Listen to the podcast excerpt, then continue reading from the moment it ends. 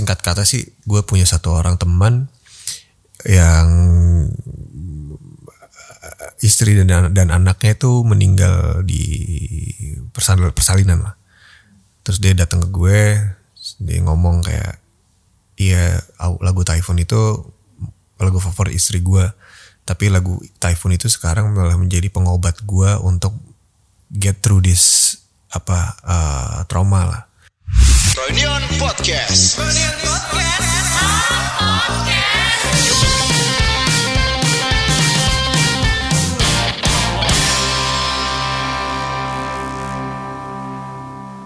Halo teman-teman, selamat datang di Freudian Podcast.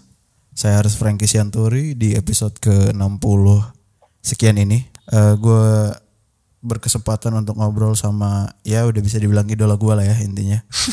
dia dia ini em, berpengaruh banyak sama semangat anak muda sih menurut gue. Intinya gue nggak perlu memperkenalkan tamunya karena ya udah nggak perlu diperkenalkan. Mendingan gue memperkenalkan podcast ini. Eh, jadi Freudian Podcast ini adalah weekly podcast dari Freudian. Gua akan mendatangi tamu-tamu yang gua rasa gua bisa belajar banyak. Yang mudah-mudahan bisa berguna buat kalian juga. Anyway, em, hari ini di depan gua udah ada Mas Iga Mas Ardi. Hmm. Yes.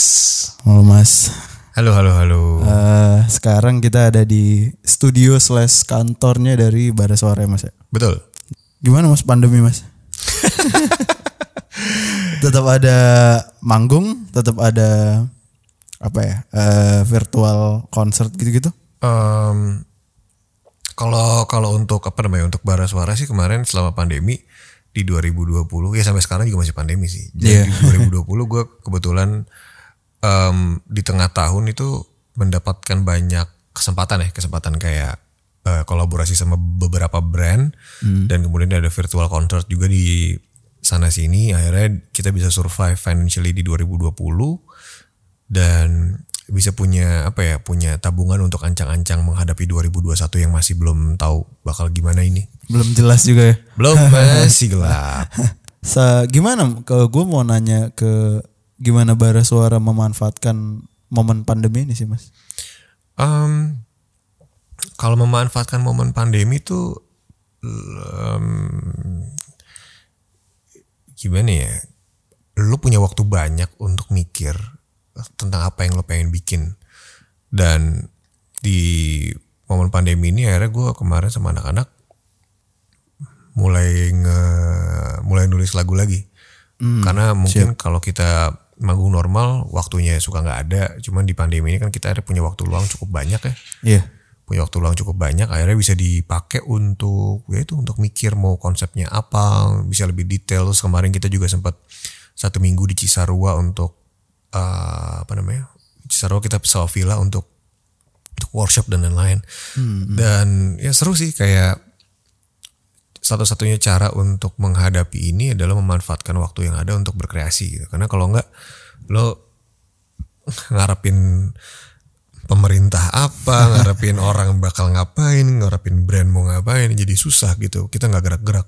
Akhirnya yang untuk ngegerakin roda sendiri ya kita mesti back to the core, yaitu bandnya harus bikin lagu. Iya. Ya udah, rilisnya bakal kayak gimana? Apakah orang give a shit about new albums or new songs?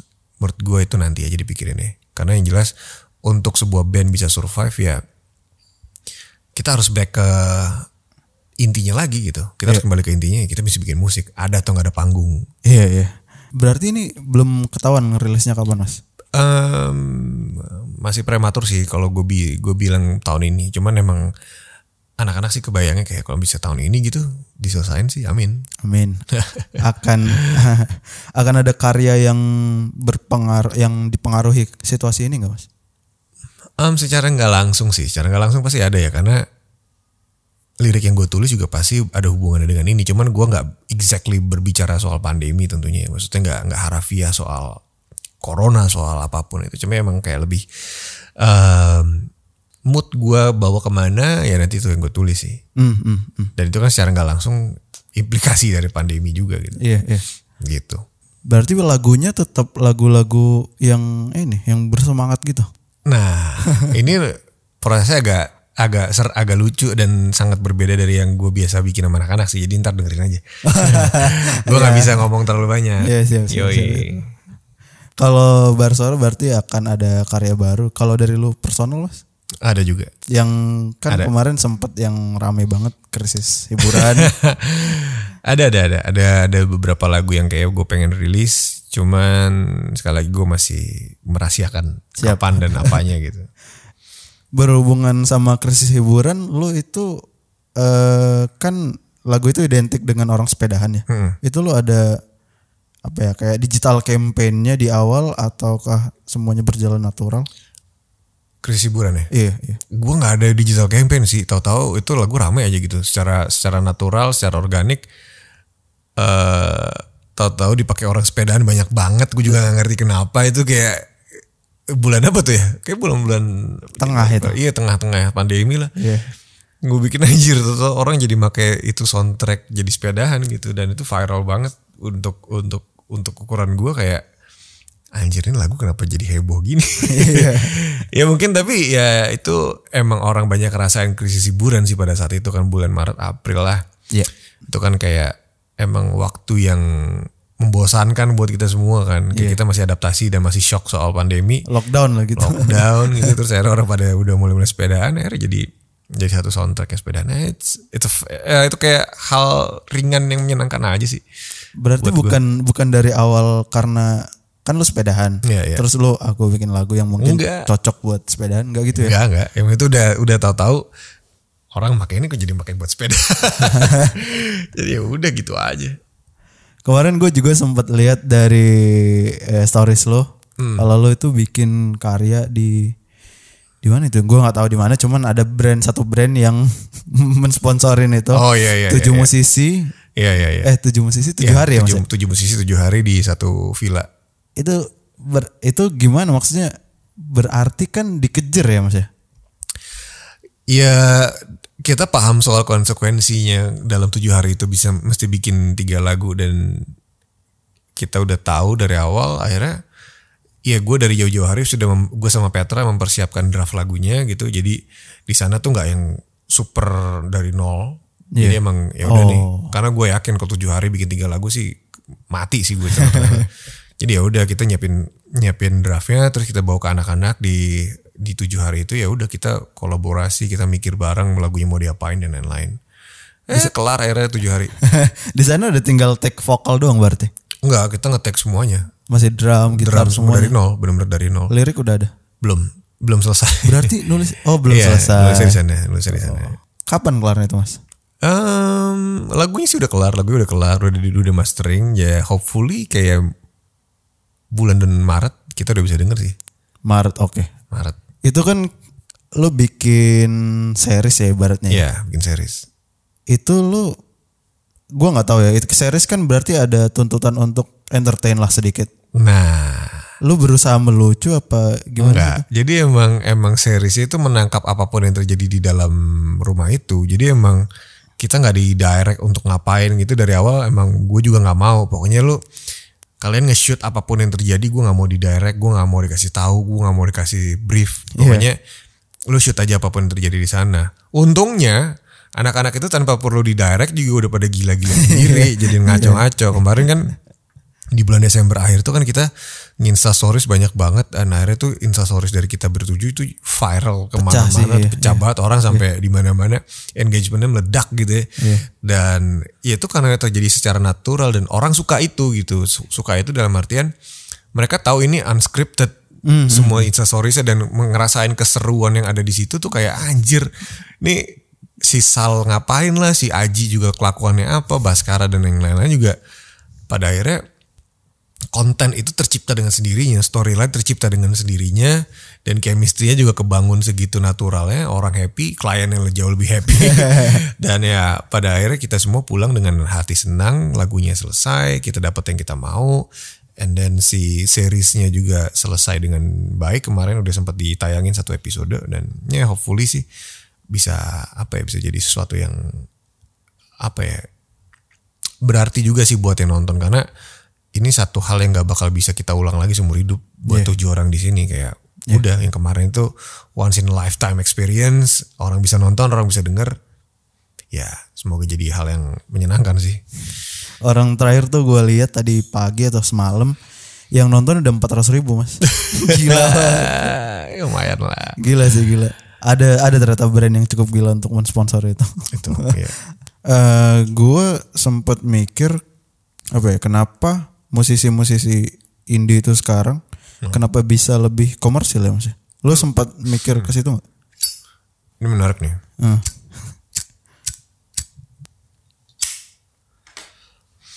Di 2015, gue ngerasain perpindahan perpindahan market sih. Bukan perpindahan market ya. Perluas marketnya. gue ngerasa malah revolusi market sih. Karena gini, gue ngeband dari 2006, terus gue bikin album di 2008, 2009, 2010 itu waktu itu ya band-band indie lah ya. Band-band indie zaman dulu itu cuman cuman jadi pasar yang sangat segmented, nggak bisa mendapatkan gerak yang lebih luas pada saat itu. Ya kalau kita ngomongin pada main di luar negeri itu lain soal lah ya. Iya. Cuman exposure yang dihadapin, eh exposure yang didapat di hari ini, let's say kayak teman-teman gue sendiri kayak misalkan ya gue name dropping misalkan kayak dari Hindia terus dari si siapa Nadine ah. Nadine terus dari dari Pamungkas dari Aji gitu untuk Aji Sal Priadi itu kan bu- kalau kita lihat bentuk musiknya ini di era 2010 ini udah nggak mungkin bisa di, udah nggak mungkin bisa dapat exposure kayak sekarang Iya. tapi sekarang lu bayangin kayak si Pamungkas gitu, Iya. dia itu gila apa reach marketnya tinggi sekali dan si Nadine juga tinggi sekali dengan tema-tema yang sangat spesifik ngomongin tentang apa dan dengan dengan dengan marketing yang cara baru yang nggak pernah bisa kita pikirin 10 tahun sebelumnya ini sebuah gerakan yang dimulai dari 2015 gue ngeliatnya pergerakan marketnya karena gue ngerasa yang 2015 Bara bikin Typhoon, and then Typhoon itu kayak meledak di semua kalangan. Iya. Jadi gue bisa main TV nasional, gue bisa main di panggung-panggung independen, terus gue bisa mendapatkan engagement bukan bahasa engagement lagi. Maksud gue bisa mendapatkan apa ya kayak respons-respons dari musisi sekaliber Mas Indra Lesmana Iya. sampai musisi-musisi apa kritikus-kritikus yang non mainstream. Iya.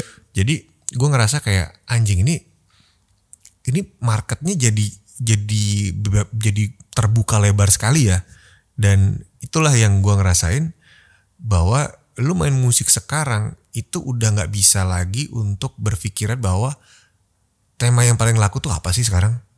Ataukah kita mesti bikin lagu soal cinta-cintaan? Atau kita mesti bikin packaging yang dengan bahasa yang gampang supaya laku? Formula-formula usang itu udah nggak berlaku lagi sekarang. Formula-formula bikin band mainstream jadi top kayak soal ya lagunya harus cinta dong biar orang bisa nyanyiin. Lagu apa? Melayu, notasinya harus Melayu. gampang dong iya kan? Melayu Melayu terus kayak walaupun Melayu gue gak salah cuman Iya. ketika itu dijadiin sebuah komoditi sebagai formula kesuksesan menurut gue di era 2021 itu menjadi sebuah omong kosong doang yang harusnya dilakuin adalah sekarang gimana caranya lo ngom- ngomongin hal-hal yang spesifik sespesifik soal mental illness sespesifik soal um, cinta itu sendiri gitu Iya. dan menurut gue ketika lo ngomongin hal-hal yang memang eh, yang memang apa ya menjadi personifikasi lo sebagai musisi itu lebih penting gitu kayak misalkan si Nadine kan ngomongin hal-hal yang emang yang emang puitis ya. puitis dan itu dia banget Iya, iya. pun dengan Hindia pun dengan Kunto Aji pun dengan ya Fis lah dengan Panturas dan lain-lain ngomongin hal yang spesifik dengan musik yang sangat spesifik gitu Iya. tapi akhirnya ini menjadi sebuah karakter dan karakter ini diperlebar akhirnya menjadi marketnya dia sendiri. Marketnya Nadine mungkin nggak bersinggungan dengan marketnya Baraswara misalnya. Iya, mungkin. Marketnya Kunto Aji tidak bersinggungan dengan marketnya Fish misalkan. Iya. Ya karena mereka semua sudah punya market masing-masing yang akhirnya fans-fansnya itu loyal dan si musisinya ini bisa hidup bersama dengan dukungan dari fansnya. Jadi itu sih yang yang gue ngerasain kayak kalau ngomongin pasar gitu, lagu yang laku di pasar, pasar yang mana? Iya. Karena setiap musisi sekarang akhirnya punya pasar masing-masing dan mereka bisa hidup lewat pasar-pasar itu. Dan mereka menciptakan apa ya menurut gue mereka mereka tuh jadi raja-raja kecil gitu loh. Hmm, hmm. Ya walaupun ada ya maksud gue raja besar yang yang memang bisa nge-grab kalangan lebih banyak lagi gitu. Kayak let's say kalau gue dengerin musiknya Pamungkas itu bisa banget tuh. Luas Tem- banget Luas banget bisa ke mana-mana. Tapi ada juga yang, memang yang punya segmentasi yang lebih lebih niche gitu. Misalkan kayak Sal Priadi kah Iya. atau Bilal Indrajaya kah gitu. Dan dan orang-orang ini akhirnya bisa mempunyai sebuah apa ya sebuah sebuah market yang fokus gitu. Dan ini penting sekali gitu kayak gue ngerasa kayak udah bukan waktunya lagi lima orang eh empat dari lima orang mendengarkan band yang sama. Oke, oke. Itu yang terjadi di era 90 sampai 2000-an awal. Lima empat dari lima orang akan dengerin Shalon Seven. Iya, iya. Se- Delapan eh tujuh dari 10 orang akan dengerin Dewa. Iya. Tapi sekarang lima dari lima orang itu bisa Beda dengerin semua. musik yang beda, and Iya. it's fine. Iya. Dan orang dan artis-artis yang didengerin ini sepertinya punya dukungan yang yang oke juga untuk karyanya kah, untuk nanti bisnisnya. Yang jelas kalau gue ngeliat di era sekarang, ini pasar sangat terbuka luas. Jadi tugas kita sebagai musisi adalah mencari diferensiasi dan menguatkan karakter karena itu yang paling penting menurut gue generalisasi generalisasi tema soal cinta kah apa harus soal cinta kah harus soal selingkuh kah harus soal apa lah yang basi-basi gitu udah lupain aja deh mendingan Iya. karena mendingan lu ngomongin hal spesifik yang bisa lu pahamin dan lu bisa cari tahu caranya supaya connect sama pendengar lo Berarti harus jujur ya. loh itu udah harus pasti Berarti nggak ada lagi tuh rumus misalnya gue mau bikin lagu yang radio play. radio play itu emang sekarang emang kalau lu bikin lagu sebagai band non mainstream masih di play Enggak sih. Ya what is radio play anyway gitu. Radio play kan sekarang maininnya lagu-lagu nostalgia, lagu-lagu pop 90-an, Iya sih, iya lagu-lagu pop 2000-an awal gitu. Dan gue nggak gue nggak ngeliat lagi, gue nggak denger lagi band-band independen mendapatkan Exposure. kursi di dalam radio nasional. Iya, iya. Gue nggak ya faktanya begitu gitu. Betul. Gue tidak not, I'm not against radio, cuman faktanya emang sudah berubah and it's okay. Dan Hmm, toh sekarang kanal-kanal untuk musisi independen memperdengarkan karyanya udah bisa lewat sesuatu yang lebih spesifik dan lebih fokus. Ya streaming service kah, ya mereka mau pakai Bandcamp kah atau apa pun itu terserah. Cuman yang jelas untuk kita ngerilai apa kita berpangku tangan sama radio atau lewat TV nasional udah nggak sepenting itu lagi sekarang Baik. karena ya musisi udah punya kanalnya sendiri-sendiri dan kalau kita ngelihat misalkan ya artis-artis yang tadi gue sebutin artis- artis-artis muda yang emang mendapatkan uh, kursi panas di era ini ya mereka udah nggak nggak mesti lagi tampil di TV nasional Iya. and they will survive dan mereka kayak ya udah lu mau ngepost even soal lu main-main sama kucing lo Iya, iya. atau lu ngomongin soal keluarga lo Iya. itu udah bisa di kanal lo sendiri-sendiri and you don't need any bigger media karena itu bisa menciptakan fokus yang eh, malah nggak bisa menciptakan fokus kalau menurut gue terlalu ketika terlalu ketika medianya terlalu besar gitu ya. Iya, iya. Let's say artis-artis ini kemudian ditaruh di TV nasional dari CTI gitu suruh ngomongin ini malah jadi orang-orang kan ngeliatnya kayak Nggak tahu juga "Eh, ya. apa sih kok ngomongin ini? Cuman ketika mereka punya kanal sendiri dan mereka ngomongin satu hal yang mereka paham, satu hal yang mereka percaya, satu hal yang mereka alamin, itu bisa lebih fokus dan bisa lebih kena ke pendengarnya. Iya, iya. Kayak misalkan teman gua tuh si Kunto Aji kan dia suka nulis-nulis apalah yang soal Di captionnya. Iya, di captionnya. Tapi orang-orang bisa connect lewat situ karena dia tahu oh ini Aji yang ngomong, Aji ngomongin ini karena dia ngerasainnya and then gue bisa connect karena gue ngerasain hal yang sama. Dan it's all hal yang paling penting di era sekarang buat gue. Kalau gue lihat juga sebenarnya dari dari ekosistemnya sendiri, dari lingkungan musiknya sendiri, sekarang itu lebih merangkum sih. Jadi kayak satu musisi dan musisi lain. Contoh kayak dari ekosistem bara suara deket sama Kunto Aji, sama Hindia itu kan udah jadi kayak geng geng sendiri ya. Maksud gue gue lihat sekarang sih musisinya memang lebih supportive each other gitu. Ketimbang dari yang gue lihat di era-era Aksara. Iya, era-era Aksara, kan, Records. Iya, kan iya. kayaknya kalau dibanding sama era itu agak lebih eksklusif ya. Tristan Duel kayaknya kalau bilang dari Bekasi agak susah kan menerobos lingkup itu. Iya, dan kalau zaman dulu kan karena emang sosial media tuh nggak ada kan ya. Oh, Maksud iya. gua sosial media breakout itu emang akhirnya mengubah cara kita berkolaborasi sama orang lain sih. Cara kita reach out sama orang lain. Kalau dulu gua nggak kebayang, gua, misalkan kayak 2010 gitu, 2008 gue nggak kebayang gue bisa ngobrol sama Mas Eros Chandra dari Shalon Seven gitu. Cuman gara-gara Instagram gue akhirnya bisa DM DMan, gue bisa ngobrol, bisa bercanda-bercanda. Itu salah satu contoh aja lah. Iya, iya. Cuman yang jelas ini mengubah cara kita berkomunikasi dan cara kita untuk bersosialisasi karena menurut gue segampang itu untuk untuk orang sekarang ngobrol gitu. Iya. Kalau gue dulu dari Bekasi 2008 2009 gue mesti datang ke Trax FM, gue diwawancara sama Jimmy sama Buluk. Iya. And then dari situ gue ngerasa kayak oke ini gue oke gue kenal sama dia nih anjing gue happy banget nih terus and then ketika gue masuk ke gue main di mana ketemu mereka gue udah bisa yang kenalan and then kenalan lagi sama yang lain kenalan lagi sama yang lain. It's, itu old school banget caranya. Kayak kayak lu datang ke satu gig and then lo kenalan sama orang Iya, orang-orang penting kemudian lo apa namanya ngejalin relasi gitu. Networking lah kalau bahasa sekarang berjejaring. Berjejaring ya. Ya cuman zaman dulu ya lu punya effort lebih untuk berjejaring tuh kayak lu mesti datang, Iya. lu mesti sowan, lu mesti sopan, lu mesti tahu diri. Misi bang, misi bang. Misi bang banget, misi bang banget. Tapi gue ngerasa mentally itu bagus karena lo tahu siapa yang siapa yang lebih senior dari lo. Gue nggak ngomongin senioritas, gue benci senioritas, apalagi dalam musik. Iya. Tapi gue harus tahu cara menghargai orang yang lebih tahu dari gue. Baik ya. Jadi orang yang lebih dulu, orang yang ngebuka jalan sehingga band gue bisa manggung di sini, itu orang-orang itu harus lo hormatin dan lo harus kayak ada kulonwuna lah kalau bahasa Jawa ya, Iya. ya mas, ya bang, gitu harus gitu. Itu salah satu dampak positifnya sih, maksud gue kita jadi tahu cara behave yang benar gitu, jadi nggak songong, Attitude ya. attitude. Kalau sekarang emang kadang-kadang yang itu yang jadi miss karena orang terlalu gampang Oh. ya orang bisa terlalu ngomong soal komentar apa gitu kan Iya. sekarang udah gila banget kan orang berani-berani banget gua rasa kalau disamperin juga nggak nggak semuanya berani tatap mata sih cuman eh ya itu perbedaan ya sih kalau lo nanya kok sekarang bisa lebih suportif ya karena Iya, kita jauh jauh bisa lebih kenal lebih lebih ya kayak lo ngobrol sama gue juga kan via sosial media kah atau Iya. apa itu bisa terjadi gitu Mungkin. Berarti mental yang solid itu dibentuk dari emang dipeloncoin dulu.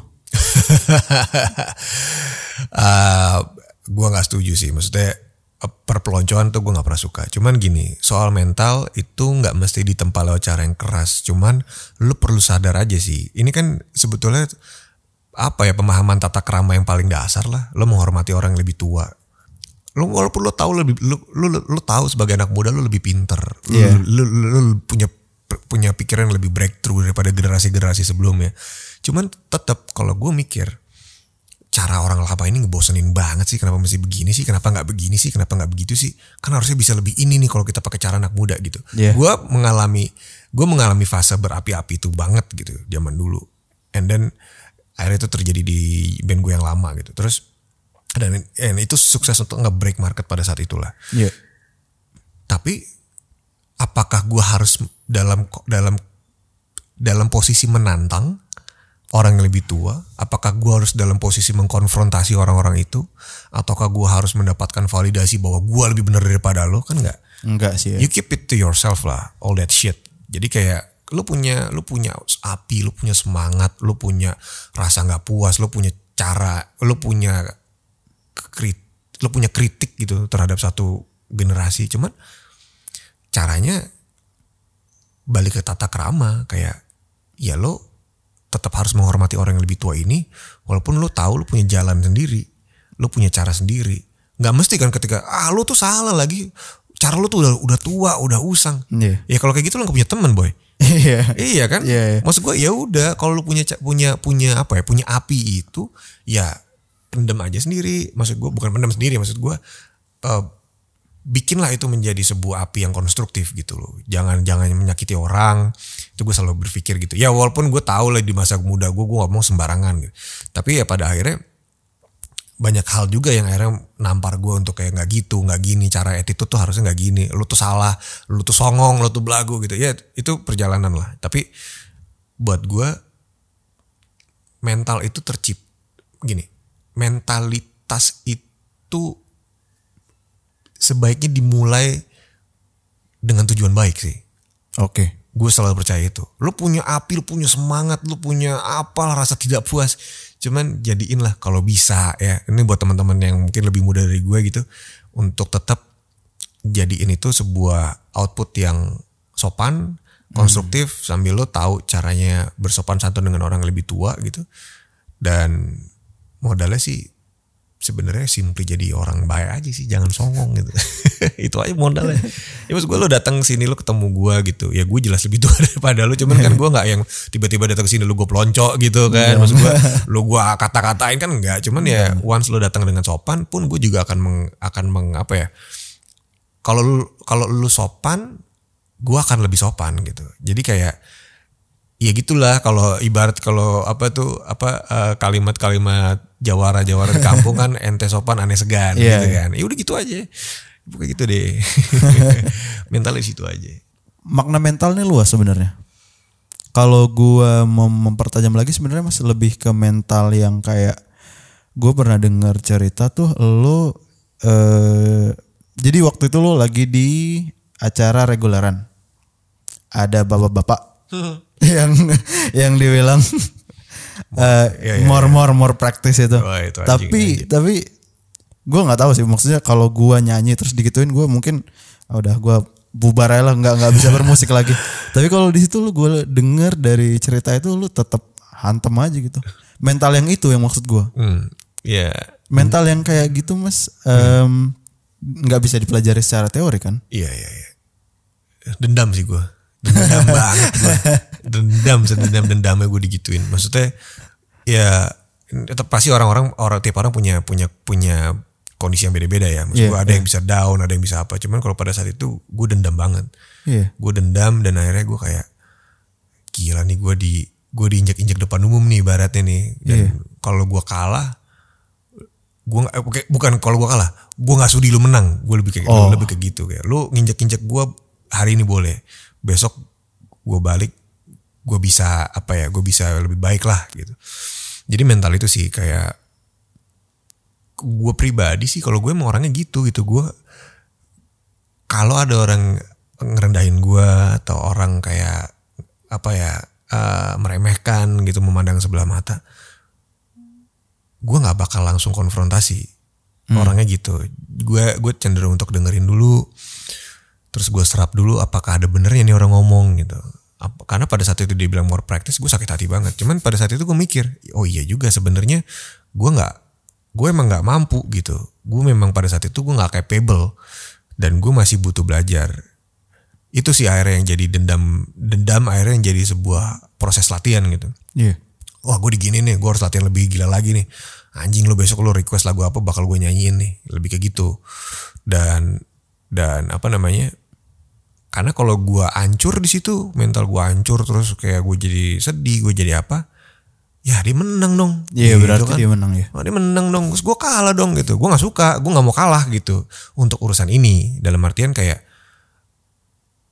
ini harusnya gue bisa lebih baik kok gitu. dan gue percaya kayak dengan latihan yang bener dengan jam terbang gue pasti akan lebih baik. Jadi ya gue percaya sih gue percaya sama diri gue sendiri kayak nggak ada orang yang bisa let me down lah. Jadi apalagi untuk urusan musik gitu untuk Yeah. urusan musik gue firm kayak lu mau ngomong apa aja album gue di review jelek apa Yeah, segala macem gue bilang kayak lu boleh nggak suka sama album gue, lu boleh mengkritik monggo dan I will read your critics gitu. Tapi buat gue kayak gue bikin ini, ini bukan album yang jelek, ini album yang lo nggak suka.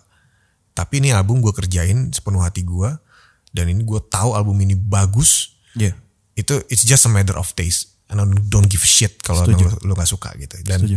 nah itu akhirnya akhirnya makanya gue nggak gue nggak gue nggak goyah gitu ketika album kemarin itu bisa dapat kritikan macam-macam orang apa bla bla bla ya pro kontra lah soal album pikiran perjalanan itu gue nggak goyah kayak enggak karena gue bikinnya bener gue nggak bikin misalkan kayak dari segi sound soundnya bagus buat gue Iya. produksinya detail semua harmoninya bagus bukan bagus semua harmoninya bener. Gue pikirin itu sampai hal-hal yang detail bersama teman-teman gue tentunya. Jadi ketika ada orang bilang jelek lo cuman nggak suka. Cuman lo nggak bisa deny kalau album ini it's a good it's a fucking good production gitu. Hmm, iya iya. Itu kalau buat gue ini bukan gue lagi menyombongkan diri ya. Iya. tapi eh, maksud gue buat seniman juga buat semua orang perlu ada perlu ada prinsip kayak gitu Riz. Karena di era-era sekarang lo akan dapat serangan eksternal tuh banyak banget dari Iya apa pun sih. yang lo bikin lo bikin konten bisa dihina-hina Iya. lo bikin apa bisa dikata-katain Kalau lu nggak punya pemahaman yang firm kenapa lu bikin album ini atau kenapa lu bikin satu karya dan kenapa lu mau melakukan ini dari jauh-jauh hari, lu akan goyer tengah jalan, lu akan amburadul kalau lu dapat kritik ada orang bilang lagu lu jelek Iya. atau wah lu pretensius. Karena kalau buat gue sekarang kayak sweet revenge yang paling oke adalah ketika orang menghina lu, lu tetap bikin hal yang lu percaya itu.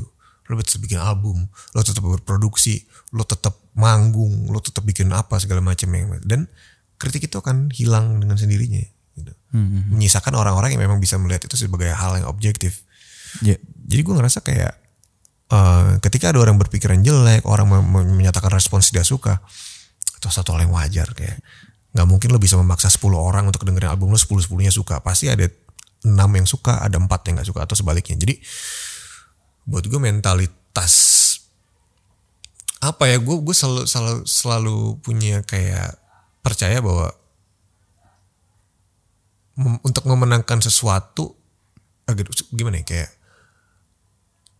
kalau di olahraga tuh istilahnya mental juara Iya, iya. mental juara tuh penting. Iya. Even even though lo kalah, Iya. mental juara tuh penting. Lu masuk ke pertanding sebuah pertandingan, lo tahu musuh lu lebih jago dari lu, itu lo harus punya mental juara. Kalau enggak lu abis duluan di babak pertama lo udah diinjak-injak. Cuman Iya, iya. at least lu melakukan perlawanan, lo tahu lo main bagus Iya, gitu, itu teknis lo bener. Kalau emang dia lebih jago, ya itu udah secara teknis gitu. Hmm, Dan it's okay gitu. Iya, kalau teknis masih bisa dipelajari lah. Dan kalau lo ngelihat pertandingan-pertandingan gitu ya, gue nggak tahu ya. Maksud gue, gue bukan bukan fans bola gitu. Cuman mental juara kalau buat gue adalah lo tahu kenapa lo melakukan ini semua dan lo percaya itu sih. Kalau lu menganggap diri lu sebagai orang yang ini dulu ya, Mas, istilahnya dulu ya. Menganggap diri lu sebagai orang yang jago nggak sih? Enggak. Mas, berarti itu bertolak belakang sama yang lu baru jelasin bilang. Gue nggak bilang, gue nggak menganggap diri gue jago, tapi gue tidak pernah menganggap diri gue jelek. That's a big difference. Siap. Kalau lo kalau lo menganggap diri lo hebat, lo jago, lo lo besar kepala, lo nggak akan bisa terima ilmu dari orang lain. Tapi di hal yang lain, kalau lo menganggap diri lo jelek, sama juga lo nggak akan menang, lo nggak akan nangkap apa pun dari orang lain. Iya sih. Karena lo mau ketemu orang minder, lo mau ngasih lagu lo lo minder, karena lo Iya. berpikir lo jelek. Iya. Tengah-tengah aja, biasa aja. Iya, iya. nggak usah nggak usah nggak usah petantang petenteng bang jago gitu kagak. Iya, iya. cuman jangan minder juga. Maksud gue biasa aja kayak ketika lo mau ngasih lagu kasihlah lagu dengan yakin gitu. Kayak nih gue punya lagu ini. Tapi gue nggak bilang eh tolong denger. Misalkan kayak kan beda. Nih lagu gue nih gue mixing di sini nih. No bagus banget nih soundnya. Iya, iya, iya. kan kayak eh kenapa Gua lo dengerin gitu nggak ya? sih? Dengerin gak ya? Kan males juga Iya, kan. iya. tapi kalau di satu sisi juga lo eh denger lagu gue dong. Sorry nih masih jelek nih. Ini apa ah gue vokalnya juga fals-fals nih. Iya. ya gitar juga masih belum ini sih masih gitar jelek nih bang ini kan gue juga males dengerin nih iya kan? Iya sih serba salah. serba sih. salah. Nah paling enak di tengah-tengah. Bilang bang gue punya lagu nih dengerin ya. Udah Udah gitu aja. gitu aja. Gitu. Tapi lo punya maksudnya gue selalu suka sama band-band yang kalau ngomongin musik ya gue selalu suka sama band-band yang tahu dia mau ngapain. Tanpa harus berbusung dada ya. Iya, iya, iya. kayak gue kemarin barusan bantuin band dari Bekasi namanya Perahu Kertas Hmm. ada tuh band. Keren banget band itu. Maksudnya ya itu tadi vokalnya bagus aransemennya keren soundnya oke dan liriknya juga menurut gue oke. Datang ke gue karena dia teman maksudnya anak Bekasi juga datang ke gue sopan. Iya. ngomong isi, isi gitar dong gini gini gini gini. Cuman gue nggak melihat adanya ketidakyakinan di dalam matanya itu Oke, sih. Oke.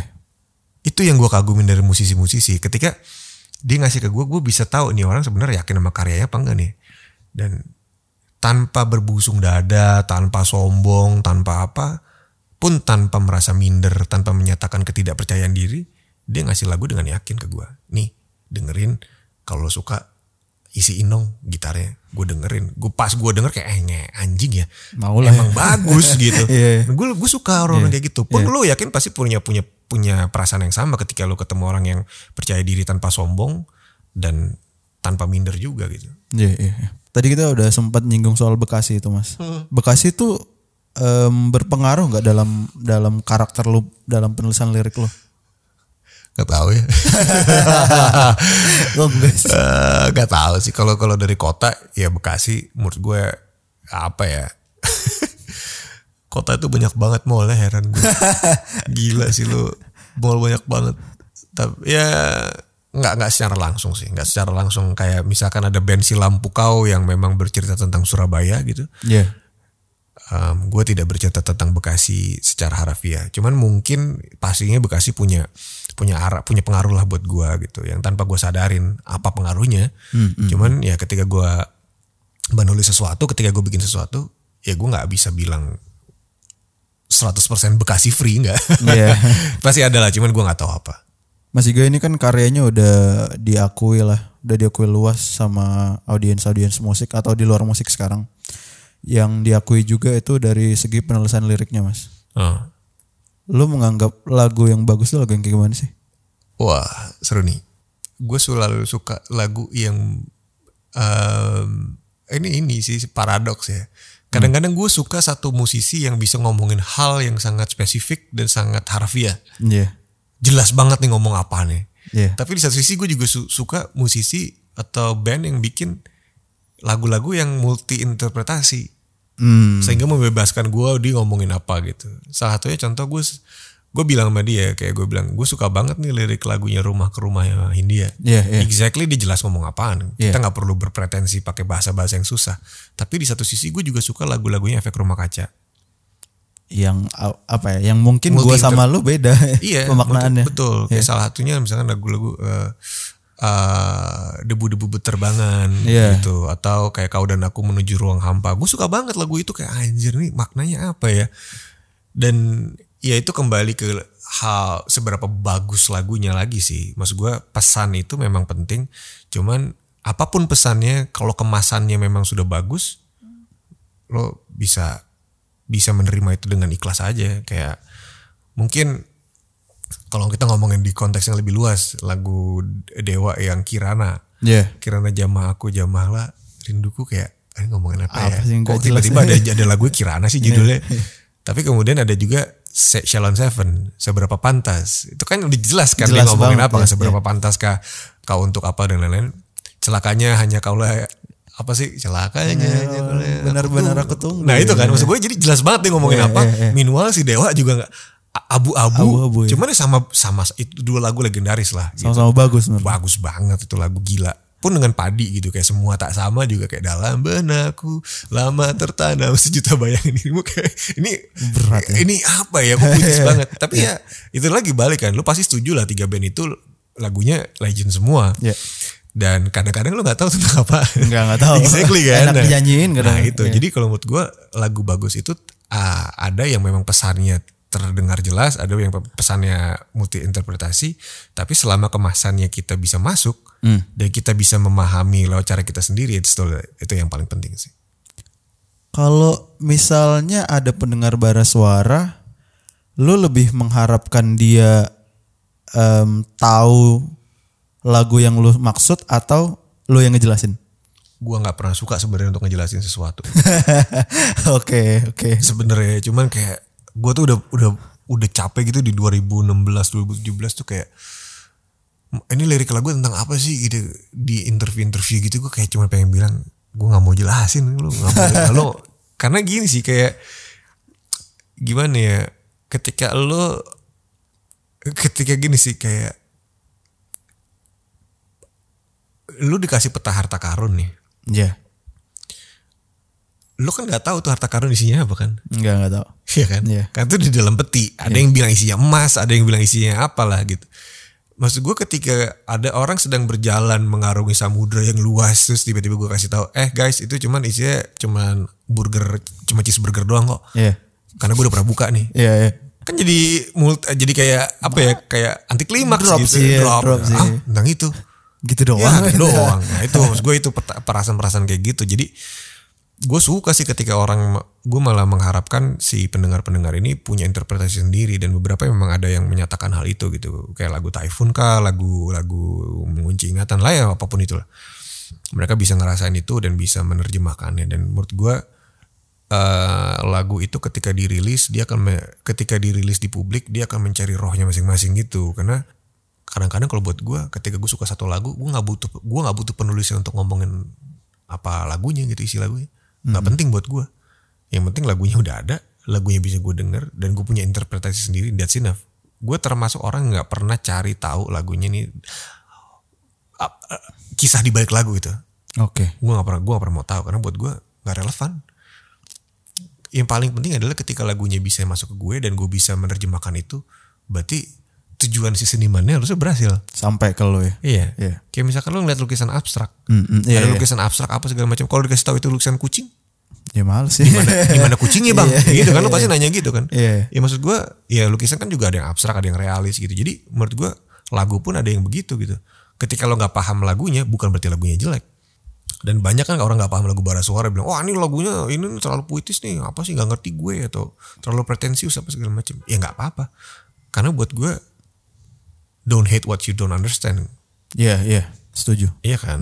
Karena kalau lo nggak ngerti, ya berarti simply itu lagu bukan buat lo. Masih ada jutaan miliaran lagu di luar sana yang bisa mem- bisa apa ya? Bisa memenuhi kebutuhan lo lah. Iya, iya. Eh, dari bara suara mas, lu ada list favorite nggak karya lo? Gak ada. Sumpah. List favorite nggak ada. Karena gue tahu gue bikinnya susah. Berarti semua rata suka semua. suka semua, suka semua. Karena gini, gue bikin lagu itu bisa sampai 4 bulan satu lagu. Gila. Kalau ujung-ujungnya gue gak suka, gue udah gak bakal mau tuh. Kayak- pas kalau nggak suka nggak rilis. Gak pasti. rilis. Oke. Jadi 9 lagu yang ada di setiap album itu 18 lagu totalnya itu lagu yang emang gue suka. Wow. Nah makanya itu kan pemahaman apa namanya ya, kayak alasan kenapa gue merilis album tuh jelas. Iya, Karena gue tahu gue bikinnya prosesnya meticulous, detailnya gue tahu. Kenapa gue melakukan ini, kenapa tiba-tiba aransemennya begini, gue tahu tuh. Jadi ketika ada orang tidak paham, tidak suka, buat gue nggak penting. Kenapa? Karena ya gue tahu. Ini lagu yang gue bikin di sini sama teman-teman gue. Ini hasil kerja keras kita berhari-hari, bermalam-malam, Iya. sampai stres, sampai ribut, sampai apa. Ketika itu keluar, kita nggak ada alasan untuk bilang ini satu hal yang kita nggak suka. Kalau emang kita nggak suka, kita nggak bakal rilis. Itu sih, itu sih, Riz. Jadi kayak apa pun yang lo bikin, apa pun yang lo, misalnya lo lagi bikin podcast nih, Iya. usahain semua detailnya lo perhatiin sampai ketika lu rilis lu nggak ada penyesalan. Anjir kenapa begitu ya? Kenapa bagian ini nggak gue potong ya? Kenapa soundnya nggak gue gede nih bagian sini? Nah, itu tuh hal-hal kayak gitu yang yang itu prinsip kenapa gue nggak mau rilis lagu yang gue nggak suka atau setengah-setengah. Karena buat gue kayak semua detailnya udah gue perhatiin gitu.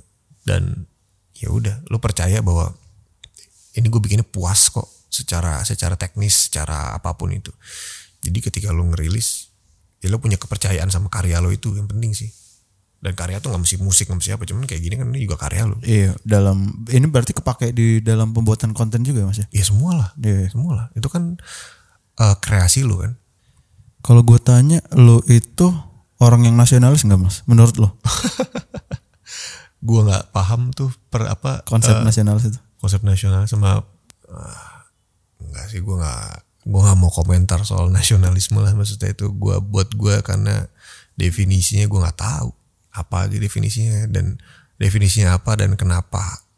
Ya itu karena gue nggak ngerti definisinya buat Iya. gue itu masih suatu hal yang kayak apa sih artinya? Apa lo harus apa lo harus gadang-gadang apa di setiap Kemerdekaan. kesempatan kemerdekaan NKRI apa segala macam karena ya kita tahu maksud gue mesti, mesti realistis kayak gue masih sering marah sama negara ini Iya. gue masih sering marah sama keadaan ya gue masih sering marah kenapa kenapa para kenapa para eh, apa namanya apar ap- bukan aparat ya kayak eh Government ya. iya governmentnya kenapa begini kenapa begitu apa untuk bilang gue nasionalis kayak ah, ntar dulu lah Tapi itu pasti deket sama lo sih ya. Iya. Dari lirik, dari outfit lo. ya sering diasosiasi asosiasikan cuman gini kalau buat gua bu, ya definisi nasionalisme gua nggak mau komen lah. Cuman gue selalu suka budayanya.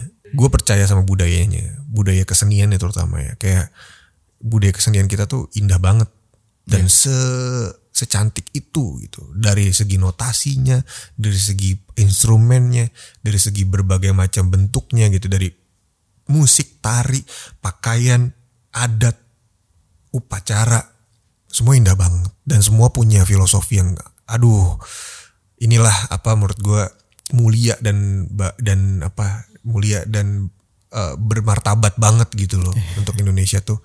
Kayak lo misalnya dari Sumatera lo lo pasti punya satu satu corak batik tertentu terus kemudian lu punya nyanyian-nyanyian tertentu pun di Bahasa Jawa daerah. bahasa daerah pun uh, ada tulisan-tulisan aksara-aksara di apa di berbagai macam pulau kan.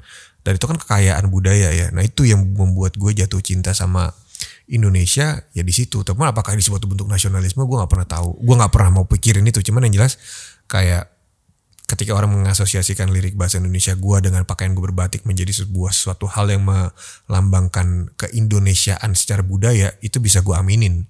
Cuman apakah ini mencip, men- membuat citra gue sebagai seorang nasionalis gue nggak terlalu peduli gitu karena gue mencintai Indonesia itu emang sebagai dari sisi budaya dan keseniannya gitu karena kalau kalau kita ngomong nasionalisme kayaknya itu udah mencakup politik dan lain-lain dan gue nggak terlalu nyaman sih Baik. Karena gue ngelihat eh, brandingan Mas Iga ini sangat baik. Putra daerah Bekasi. Nasionalis, eh enggak nasionalis, eh, berpakaian batik. Maksudnya brandingannya baik. Ada nggak kemungkinan untuk gue kayak mau jadi wali kota deh. ya bercanda-bercanda anak-anak aja. Cuman kalau gue um, gini sih banyak orang yang akhirnya mudanya berapi-api mengkritik pemerintah kemudian di masa tuanya dia join gitu, join the party gitu kayak makanya gue sekarang kayak udah untuk urusan kayak gini-gini gue nggak mau nggak mau yang terlalu anti, gue nggak mau terlalu menghina-hina Iya. gue simply gue di hari ini gue nggak ngerasa gue pengen sampai hari ini gue belum ngerasa gue pengen Baik. takutnya ntar kalau gue bilang ah gue nggak mungkin lah jadi gini tak tahu 10 tahun lagi lo ngeliat gue di reklama jadi apa gitu kan nah.